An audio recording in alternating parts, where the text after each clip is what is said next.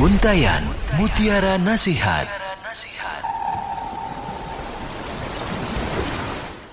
Assalamualaikum warahmatullahi wabarakatuh Alhamdulillahi rabbil alamin.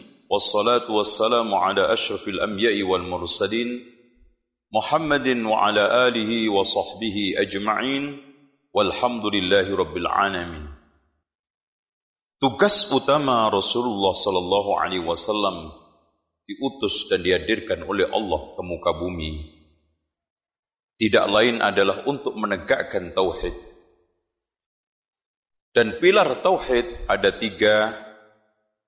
Yang pertama adalah uluhiyah, rububiyah, dan asma wa sifat.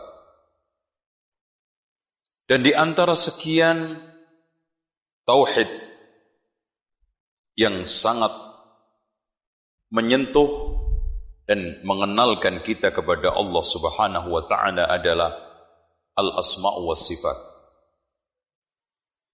Ahli sunnah wal jamaah di dalam beriman kepada asma dan sifat sebagaimana yang telah ditegaskan oleh para ulama menetapkan apa yang ditetapkan oleh Allah dan Rasulnya menafikan apa yang dinafikan oleh Allah dan Rasulnya tanpa melakukan tahrib penyimpangan, ta'atil pengingkaran, tamsil penyamaan dengan makhluknya, watakif membayangkan hakikat daripada nama dan sifat Allah. Beriman kepada sifat-sifat Allah dan nama-namanya mengandung banyak keutamaan. Di antaranya Rasulullah sallallahu alaihi wasallam bersabda, "Inna lillahi tis'atan wa tis'ina isman man ahsaha dakhalal jannah." Sesungguhnya Allah memiliki 99 nama, siapa yang menghitungnya akan masuk surga. Makna menghitung memahami dengan baik lafad dan maknanya serta tafsirannya. Kemudian menggunakan tawassul saat berzikir dan berdoa. Maka kalau kita lihat di dalam doa yang diajarkan oleh Allah dan Rasulnya, hampir selalu disertai dengan tawassul dengan nama dan sifat Allah.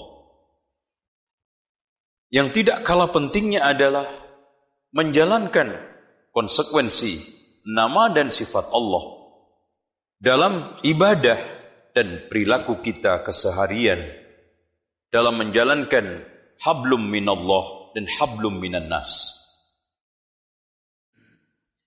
Dan hadis tadi tidak bertentangan dengan sabda Rasulullah sallallahu alaihi wasallam di mana nama-nama Allah Subhanahu wa taala tidak terbatas. Sebagaimana yang telah ditegaskan oleh Rasulullah di dalam doa pelipur lara.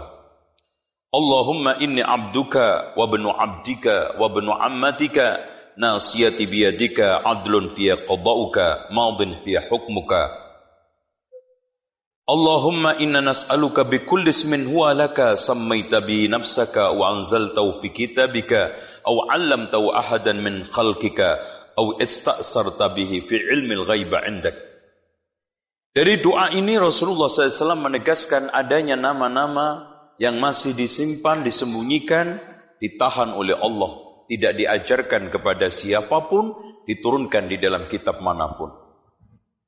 Untuk menggabungkan dua hadis tersebut, maksudnya nama Allah tidak terbatas, tapi di sana ada 99 nama. Bila kita hitung dengan baik, kita jalankan konsekuensinya, kita gunakan tawassul di dalam berzikir dan berdoa, maka akan dikabulkan oleh Allah.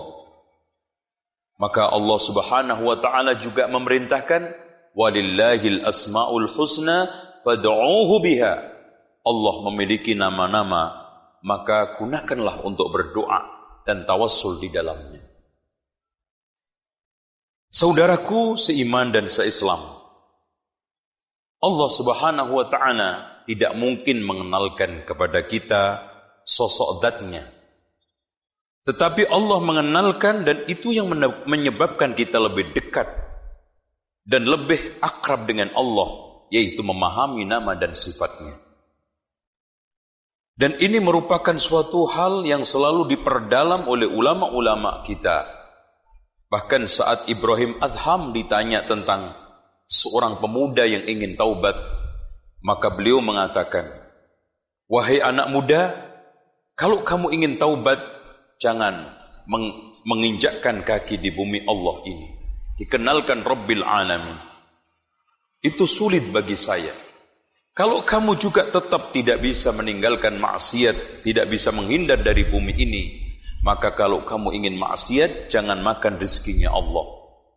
Itu sulit dan lebih sulit. Dan kamu juga kalau tidak bisa menghindar dari maksiat, tetap terus maksiat. Menghindar dari rezeki Allah nggak bisa, menghindar dari bumi ini juga nggak bisa.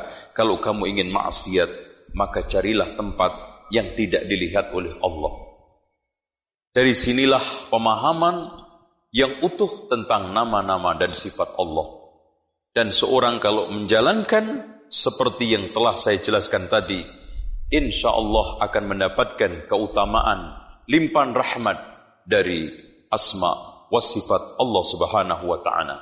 Demikian semoga bermanfaat. Aku qawli hadza wastaghfirullah li wa lakum wastaghfirullahal adim Innallaha.